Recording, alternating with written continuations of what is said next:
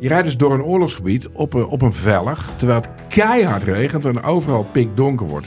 Nee, we durven niet te stoppen. En je- eh, ja, eh, Joep is nooit bang. Joep Vermans, de kamerman, die was nu ook echt bang. Via podimo.nl slash gonzo luister je de eerste 30 dagen gratis naar Podimo. podimo.nl slash gonzo. In de podcast Radio Romano met Noortje Veldhuizen Met Marcel van Roosmalen. En met Roelof de Vries.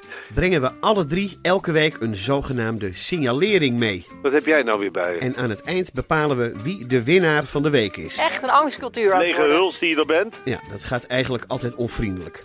Luister nu naar Radio Romano bij Podimo. Via podimo.nl slash Radio Romano luister je 30 dagen gratis. Hallo, vanaf de redactie van de Groene Amsterdammer is dit uw wekelijkse podcast. Ik ben Kees van der Bos.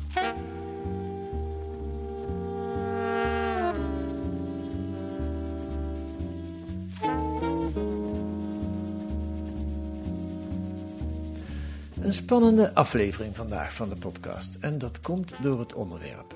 Ruim tien maanden deed Job de Vries onderzoek en nu durft hij het te publiceren. In een groot verhaal deze week in De Groene gaat Job in op de bijwerkingen van de coronavaccinaties. Ja, u hoort het goed. Mensen die niet ziek worden van corona, maar van de prik, van de vaccinatie tegen corona. Kan dat? Hoe vaak komt het voor? Hoe ernstig zijn die klachten? En waarom is het spannend om daarover te schrijven? Dag Job, welkom in de podcast. Dankjewel. Nou ja, meteen maar met die laatste vraag te beginnen. Is het spannend en waarom is het spannend om, om hierover te schrijven? Ja het, is heel, ja, het is heel spannend. Ik zei van tevoren dat ik hier, toen ik hier aankwam al, ik, eh, ik heb vaker in deze podcast gezeten en eh, eh, niet zo vaak zo zenuwachtig geweest daarvoor eigenlijk. Het is heel spannend omdat ja, iedereen weet hoe gevoelig het onderwerp ligt. Gewoon omdat er, het is gepolariseerd, hè, zoals we dan zeggen, zoals bij zoveel onderwerpen. Ja. Maar niet alleen omdat er dus verschillend over gedacht wordt, maar het raakt ook echt aan de publieke gezondheid. En we weten heel goed dat wanneer er verontrust- verontrustende berichten verschijnen, eh, dat dan de, het draagvlak van de vac- vaccinaties omlaag kan gaan. Ook van andere vaccinaties bijvoorbeeld. En dat wil je niet zomaar op je geweten hebben, dus je wil niet over één nacht ijs gaan. Ja, En ook al ben je dan tien, jaar, tien maanden verder, nog steeds weet je niet alles, zijn er nog onzekerheden.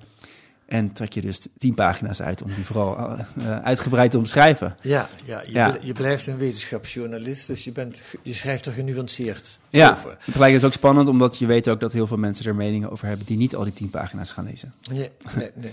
Maar de spanning zit hem dus in, in twee dingen, als ik het eh, goed begrijp. De ene is, het is een gepolariseerd onderwerp. Er zijn mensen die, die woedend zijn. er zijn complottheorieën over. Hè. Wij worden allemaal met chips ingeplant. Eh, eh, dat is één ding van de spanning. Je, je gaat heftige reacties krijgen op dit artikel. Tenminste, dat zit er wel in. Nou, daar is niks aan te doen. Hè, dat denk ik dan. De, de, is, het is een gepolariseerd onderwerp. En als je erover schrijft, dan steek je je vinger of zeg, je hoofd in een wespennest en dan word je geprikt. Ja, Maar als je je werk goed doet, dan is dat te hebben. ja, Hè? Het andere lijkt mij in jouw geval spannender, dat je misschien zelf een rol gaat spelen in die, ja, niet per se dat je in een van de kampen terechtkomt, maar toch doordat je eh, erover publiceert, dat je in kampen getrokken gaat worden.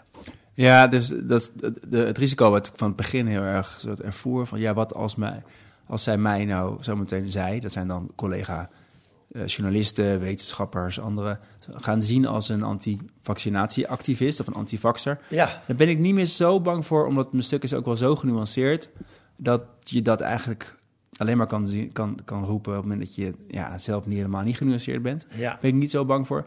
Eh, dus het gaat, maar uiteindelijk dacht, dacht ik ook, ja, het gaat helemaal niet zoveel, niet zo echt over mij. Dus een beetje, er is wel een afbreukrisico voor, voor mij. Ja, Uiteindelijk ben ik, ja, ik ben toch ook, denk ook, ja, die, die mensen om wie dit nu gaat, hè, dus de patiënten die echt klachten hebben gekregen na een prik, die verdienen het wel om niet ten bate van mijn afbreukrisico eh, in de steek gelaten te worden. Dus, dat gevoel bleef uiteindelijk wel het meeste hangen, wat dat betreft. ja. Toch te gaan uitzoeken daarvoor. Maar goed, je loopt het gevaar dat eh eh, Ongehoord Nederland volgende week uitpakt.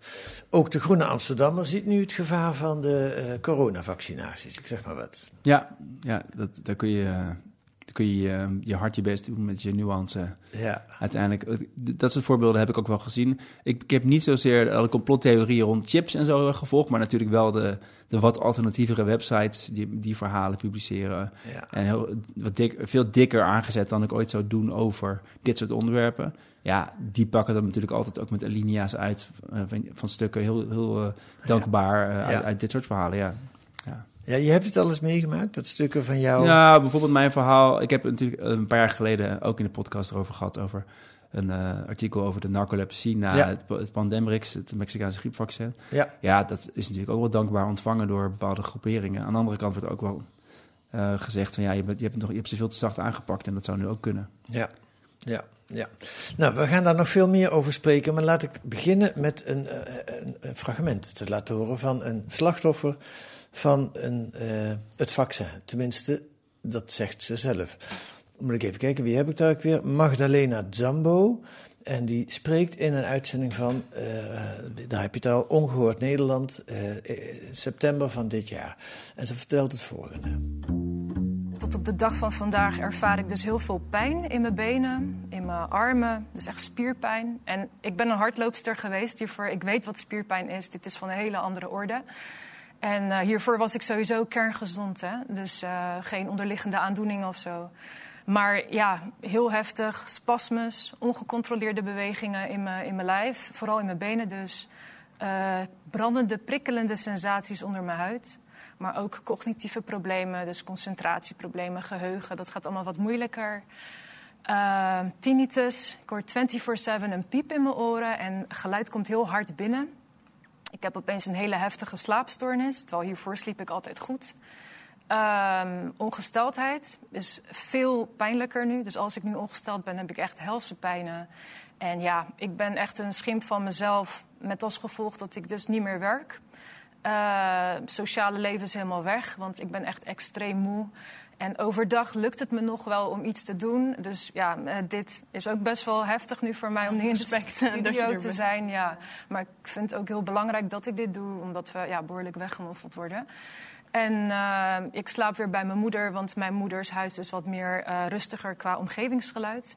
Dus dat trek ik wat beter. Dus ja, kortom, ja, één gratis prik heeft mijn leven compleet verwoest.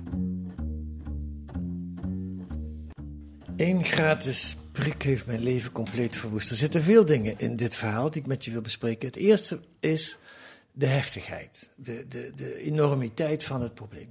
En jij bent meer van deze patiënten, van deze mensen tegengekomen. hè? Ja, nou, dat is wel interessant. Eh, wa- Wat ik meteen, nu ik dit weer hoor, eh, schiet ik eigenlijk, herken ik een soort reflex die ik zelf eh, altijd, nou, best lang ook heb gehad. En veel mensen met mij, denk ik ook. Van als, als zo iemand zo'n heftig verhaal vertelt, bij ongehoord, dat je denkt, ja, Ja. het zal wel.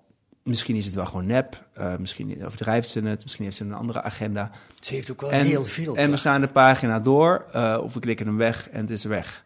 Eh, en, ehm, maar ik heb best wel veel mensen zelf gesproken, die ook wel niet deze hele opsommingen, maar best heft, ook hele heftige verhalen hebben. Ook over dat ze dus kort na de prik allerlei best heftige klachten kregen, die uiteindelijk overgingen in een, wat nog het meest wordt gezien als een soort long covid, maar dan dat ze niet eh, geïnfecteerd zijn geweest, of in ieder geval niet kort daarvoor.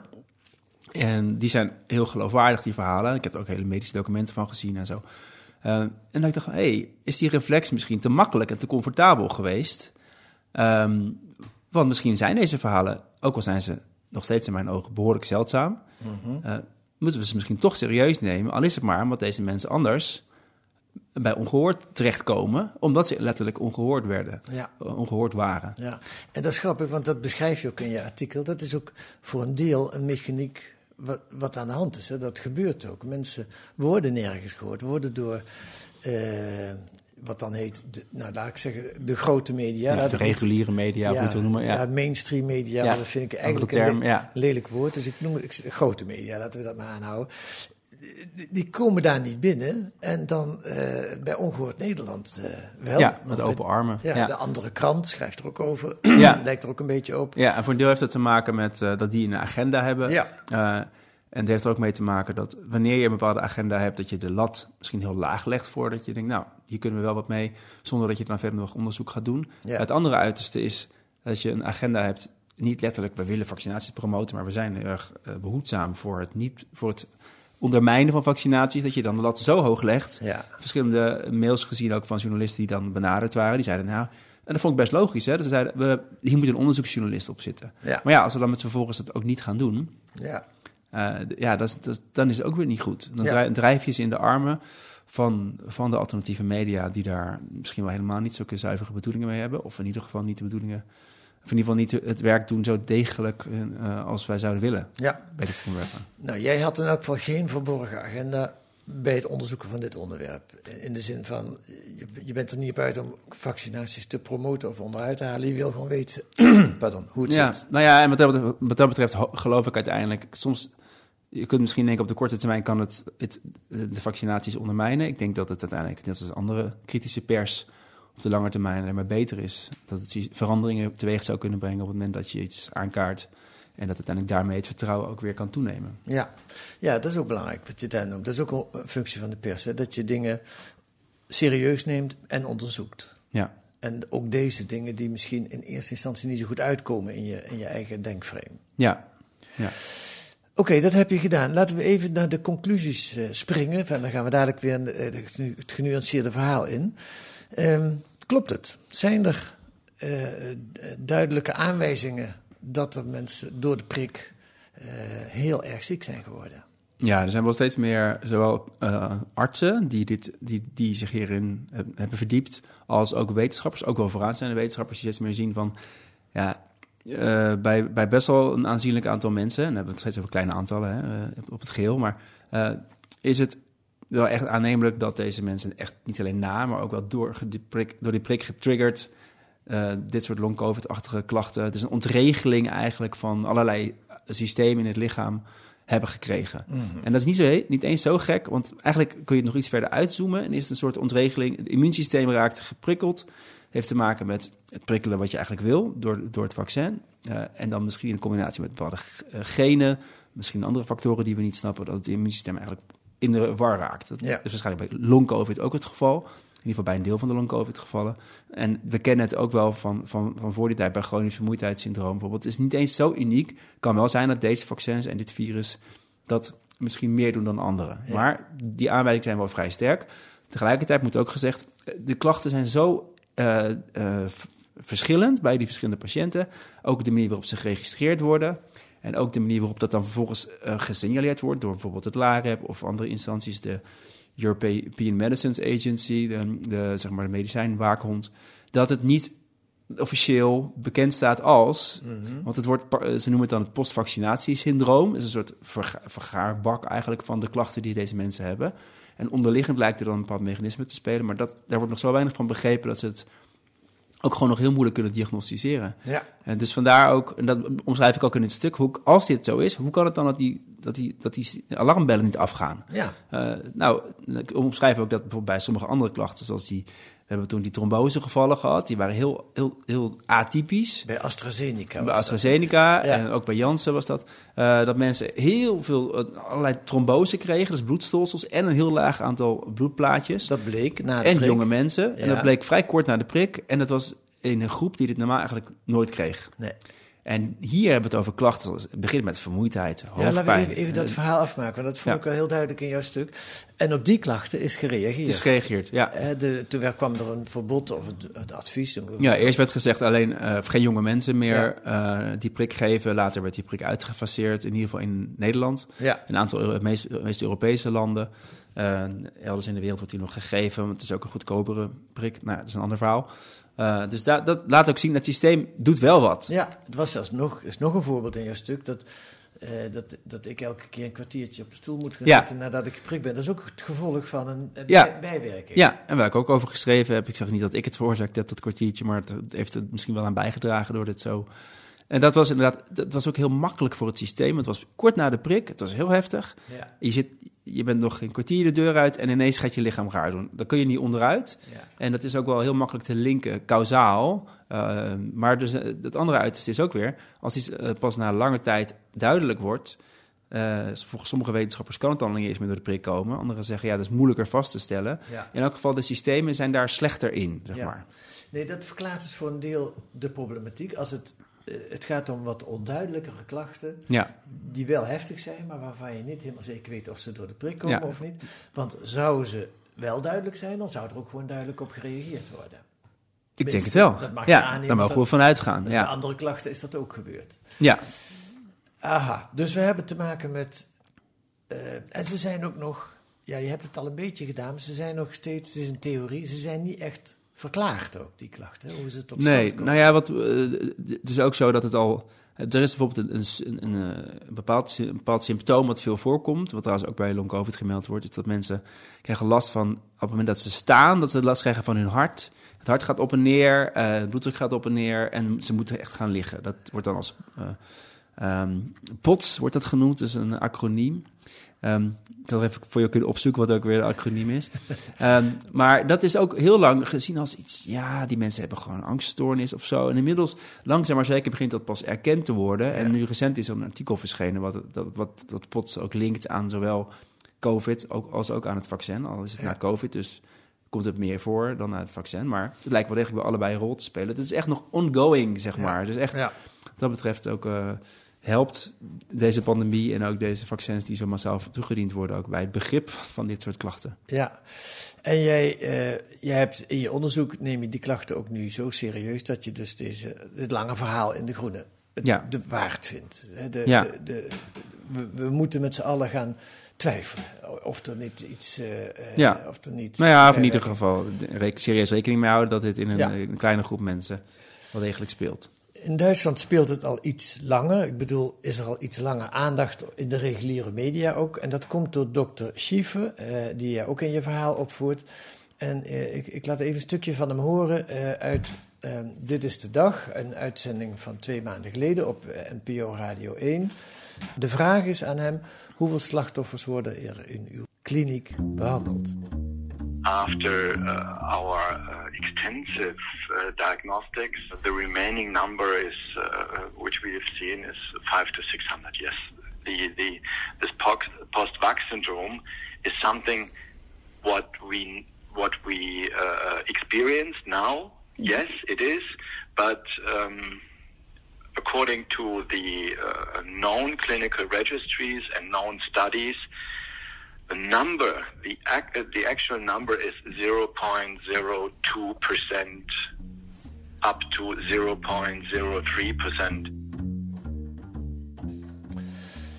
Het komt voor, maar het komt wel heel erg weinig voor. Ehm, kun je dan zeggen, is dat een, een, een goede reactie? Nou ja, het komt heel weinig voor. Sommige mensen hebben pech, maar er worden veel meer gevallen van long COVID mee voorkomen met die prik. Dus ja, die mensen pech hebben, moeten er maar mee leven. Nou, het, is, nou ja, ten eerste kun je zeggen, als je iets voor de hele bevolking doet, dat er een klein groepje mensen eh, nadeel van ondervindt, dat, dat is iets wat je dan maar moet accepteren. Dat, dat ehm, accepteren is één ding en, en het zomaar laten is een ander ding. Ja, ja. Het, het hoort erbij, maar we moeten het wel eens, het- ten eerste moet je ernaar streven om dat cijfer zo laag mogelijk te houden, want het klinkt heel weinig, hè, 0,02 procent.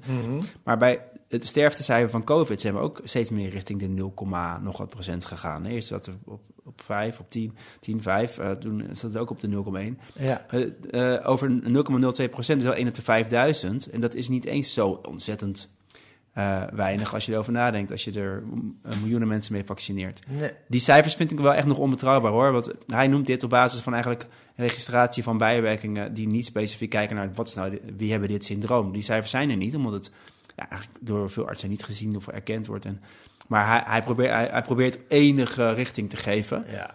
Uh, maar los even daarvan. Um, deze, de, deze groep die. Uh, er wordt verschillend binnen die groep gedacht. Hè? Sommige mensen zeggen echt die vaccins zijn gif. Um, uh, die zijn voor iedereen slecht en bewijzen er het slechtste aan toe.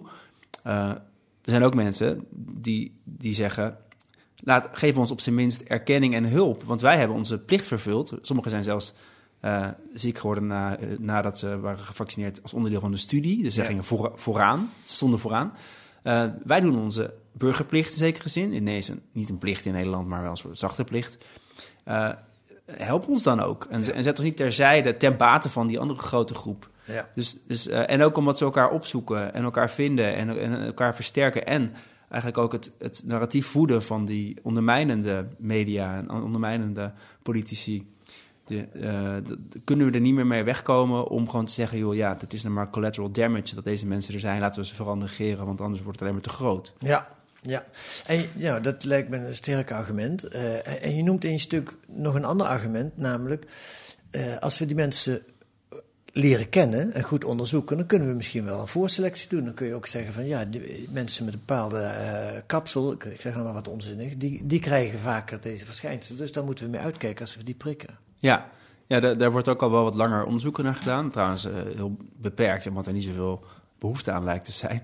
Eh, dat, wordt, dat is onder andere naar, kijken naar genetische factoren onder bijwerkingen. En dat Ja. kunnen ze hier ook gaan doen. Kijken van, wat zorgt er nou voor? Welke combinatie van factoren zorgt er nou voor dat je eh, je, je immuunsysteem helemaal op hol slaat na zo'n prik? Ja, ja. Goed, even weer naar jou en je verhaal. Ehm, eh, je schrijft ergens, of in een stuk schrijf je ehm, dat je begon aan dit. Kijk, dat jij dit verhaal doet, is eigenlijk helemaal niet gek, want je hebt voor De Groene al ontzettend veel geschreven over, sowieso over corona, maar ook over bijwerkingen van de, van de prik. Nou, je hebt ervoor in de podcast gezeten. Ja. Ehm, dus het is ook jouw onderwerp eigenlijk.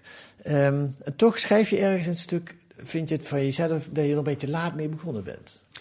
Ja, ik, ik had dus al eh, die, die andere voorbeelden een beetje op de voet gevolgd en daarover geschreven, over die, die eh, allergische reacties en die trombose. En, en ik had er wel wat geluiden opgevangen van mensen over die eerst bijvoorbeeld hartklachten kregen en daarna lang ziek kreeg, eh, bleven. En dat, ja.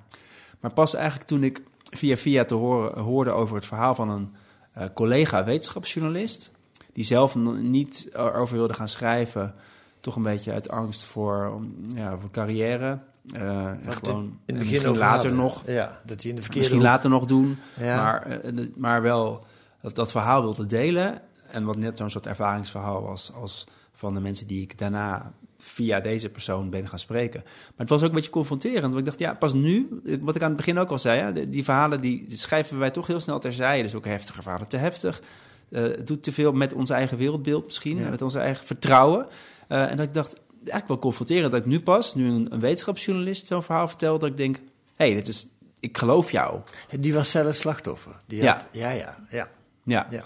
En ehm, eh, die persoon was echt nog wel een stukje meer gedesillusioneerd. En, maar dat is ook wel weer wat je krijgt natuurlijk. Als Ja. je zelf zoiets overkomt en dan vervolgens met heel veel mensen te maken krijgt die dat ook overkomt. is heel moeilijk om dan nog te kunnen uitzoomen en het helemaal in perspectief te plaatsen. Maar Mhm. misschien ben ik wel weer te voorzichtig, hè, nog steeds. Ja, Eh, ja. Het zou ook nog kunnen. En wanneer dacht je, dan goed, dan, dan, dan begin je. Toen dacht je, nu ga ik het doen. Eh, Je hebt er flinke tijd voor uitgetrokken, je hebt er v- fondsen voor aangeboord om dat ook te kunnen doen. Ja. En, eh, in het begin van zo'n onderzoek, hoe pak je dat aan? Hoe doe je dat eigenlijk? Nou, in eerste instantie ben ik maar gewoon eh, wat meer van deze mensen gaan spreken. Dus van de een vind je de ander, de volgende. En dat is een heel, een heel internationaal netwerk van al die patiënten die elkaar hebben gevonden. In eerste instantie nog heel veel moeite hebben om online hierover te kunnen spreken, omdat er ook allerlei eh, groepen worden opgeheven, eh, moderatoren bovenop zitten, maar ze vinden hun manier en ze vinden elkaar. Er er worden stichtingen opgericht, en die ga je dan spreken. En ik was wel op zoek niet zozeer naar allemaal willekeurige patiënten, maar patiënten die ook echt ehm, actief zijn, zeg maar. Dus een Amerikaanse patiënte, Brianne Dressen, dus zij, is, zij heeft een stichting opgericht en is, is echt gaan wedijveren, zeg maar, gaan strijden voor erkenning op het hoogste niveau, eh, te spreken met, met instanties en met wetenschappers in contact te gaan. En dus zowel hun verhalen te horen als ook als waar ze tegenaan lopen en wat ze proberen te, bewerken, te, te bereiken. Ehm, en met dan de wetenschappers die zich daar dan mee bezighouden. Eh, en ook wel natuurlijk met wetenschappers die, die, die daar een beetje meer buiten staan. Ehm, maar toch vooral de wetenschappers die, dit- die zien van... kijk, hey, ehm, om deze en deze redenen dan zie ik dit als wel als legitieme verhalen. En, en waarom is dat dan toch ingewikkeld? Nou, en zo langzaam maar zeker kom je steeds stappen verder. Ja. Je kunt ook nog in allerlei documenten duiken. Ik heb bijvoorbeeld, maar ik heb mij bijvoorbeeld niet bewust met bepaalde dingen niet bezig gehouden. Je hebt de hele oversterfte-discussie in Nederland. Eh, Dat, daar heeft dit in mijn ogen niet mee te maken. Ehm, ik heb me daar ook niet in verdiept op deze manier, omdat ik het als iets anders zie. Dit gaat over mensen die heel ziek worden. Ja. Sommige mensen Er zijn ook wel verhalen van mensen die om deze reden uit het leven zijn gestapt. Maar dat verklaart niet de oversterfte. Heeft er niet mee te maken. Nee, dat me ook. Dat, dat leg je er buiten. Ja. Dat je er buiten. Ja. Maar wat ik me dan afvraag is, is er dan, zijn er, wat zijn bepalende momenten in jouw onderzoek geweest? Momenten waarvan je dacht, nou, nu ik deze meneer gesproken heb en die, die zegt Nou, wat, ook. wat mij heel erg veel geleerd heeft, ook sowieso natuurlijk, ik volgde al wel alles rond long COVID, maar toen ik op een gegeven moment ook sprak met een aantal deskundigen op het gebied van wat is dat nou, wat er gebeurt in, die, in, die, in zo'n lijf op het moment dat er iets geks met het immuunsysteem gebeurt. Dus dat noemen ze dan dysautonomie, dus het ontregelen van allerlei autonome systemen, zoals de hartslag, zenuwstelsel, eh, hormoonsysteem. En ik, oh ja, dus er zit echt onderaan een knop die, die gedraaid is. En dat verklaart een heleboel in één keer. En ook meteen een verklaring waarom dat zo moeilijk vastgesteld wordt. We hebben daar geen goede methode voor. En dat, dat verklaart ook meteen een hoop. En dat maakt het voor mij ook wat minder mysterieus en ook wat minder eng. Omdat er toch ook overeenkomsten zijn met allemaal dingen die we al langer kennen. En waar we ook de wetenschap al langer mee worstelt. En steeds iets beter in wordt. Zoals het chronisch vermoeidheidssyndroom. Ja. Dacht ik, dat, dat gaf mij wel een soort van gevoel van... Ik ben niet gek dat ik deze mensen hun verhalen serieus neem. Ja, ja. ja, en het is ook een, het, het linkt ook, maar daar hebben we het ook al heel even over gehad, aan iets in het vaccin wat dat zou kunnen verklaren. hè. Dan, met het, het, kom je bij dat. eh, Ja. eh, heet het, spike-eiwit, Ja, dus het eiwit wat, eh, wat, waarvan ook al lang, het begin af aan werd erover geschreven bij COVID. Het, het, dat is het, het, armpje waarmee die zich eigenlijk verankert aan de, aan de lichaamcellen. Maar dat zit ook in het, het zit in het vaccin, of het- in het vaccin zit eigenlijk de code daarvoor, waardoor het lichaam dat zelf aanmaakt. En het zou kunnen zijn, weet je wel nog allemaal niet zo goed, dat sommige mensen bijvoorbeeld veel meer daarvan aanmaken. Ja. Of dat het op plekken komt waar je niet weet, eh, wil dat het komt. En dat zou kunnen verklaren dat ze wel na de eh, ziekte als na de prik eenzelfde soort klachten kunnen optreden. Ja. Goed, je hebt het onderwerp nu uit de handen, of niet jij alleen, er waren al wat eerdere prikjes, om het zo maar te noemen, in de, in de gewone media. Maar dit is een eerst lang doorvrocht artikel waarmee het uit de eh, alternatieve media wordt gehaald. En in, in, in, in, Ja. een belangrijk. Het eh, gek hè, dan heb je een primeur, een soort van. Maar eh, terwijl het eigenlijk in die kringen allemaal al lang en breed Ja. eh, geschreven wordt. Is Ja. een nieuw fenomeen ook wat dat betreft. Ja, zeker. Ehm, maar hoe moet het nu verder? Oeh, Wat jou- ja. eerst, eerst ben ik benieuwd wat dit gaat doen. Gewoon qua, eh, komt er een discussie of een gesprek op gang. Ehm, ik ben ook nog wel lang niet klaar met dit dossier. Ook nog wel in wat bredere zin. Maar ook, ik ben ook gewoon benieuwd wat er verder nog gaat gebeuren. Ook op het gebied van onderzoek. Eh, dat, gaan we dit inderdaad beter begrijpen? Het is wel een zaak om dit soort dingen beter te begrijpen, zowel in het algemeen. Ook omdat, stel dat het misschien wel te maken heeft met bijvoorbeeld de mRNA-technologie. Ik heb daar nu geen aanwijzing voor dat dat specifiek zo zou zijn. Maar dat wil je wel weten, want er komen nog meer vaccins aan tegen Ja. andere ziektes. Ja. Dus dat, dat, dat zou heel goed zijn om dat te blijven volgen. Eh, en ook in hoeverre er toch behandelingen komen. Dat is, ik omschrijf wel wat, wat behandelingen die worden geprobeerd. Het zijn nog niet echt, echt enorme succesverhalen. Eh, dus dat hoop ik. En ik denk ook, ik hoop ook dat, dat dit soort artikelen eraan bijdragen dat we onze blik blijven verruimen, als je ook als media, van hé, maar soms zijn onderwerpen misschien onwelkom of, of, of ongemakkelijk, maar laten we daar vooral niet van wegkijken. Ja, ja. Nou, eh, we gaan het zien, eh, Job. En we gaan het, je blijft het voor ons volgen, neem ik aan. Dankjewel Zeker. voor dit gesprek. Graag gedaan. Wat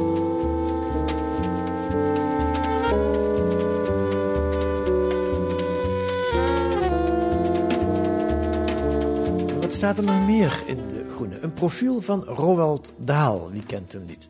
De niet zo vriendelijke reus. Critici wijzen gretig op zijn foute uitspraken en zijn neiging om uit de pas te lopen. Maar wie zijn leven nader bestudeert, treft toch een veel complexere persoonlijkheid.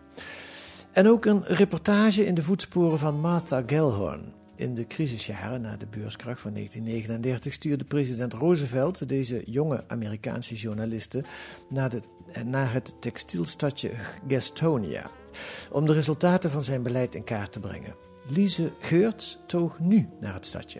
En de armoede is hier generationeel, krijgt ze te horen. Misschien is het de cultuur geworden dat armoede geaccepteerd wordt, zegt een oudere inwoner. Afijn, dat kunt u lezen in De Groene.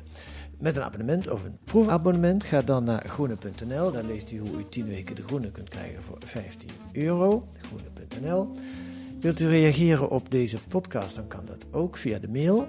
Stuur een mail naar podcast.groene.nl.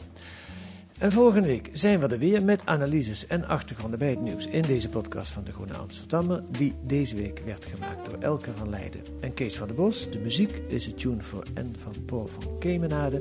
Tot volgende week.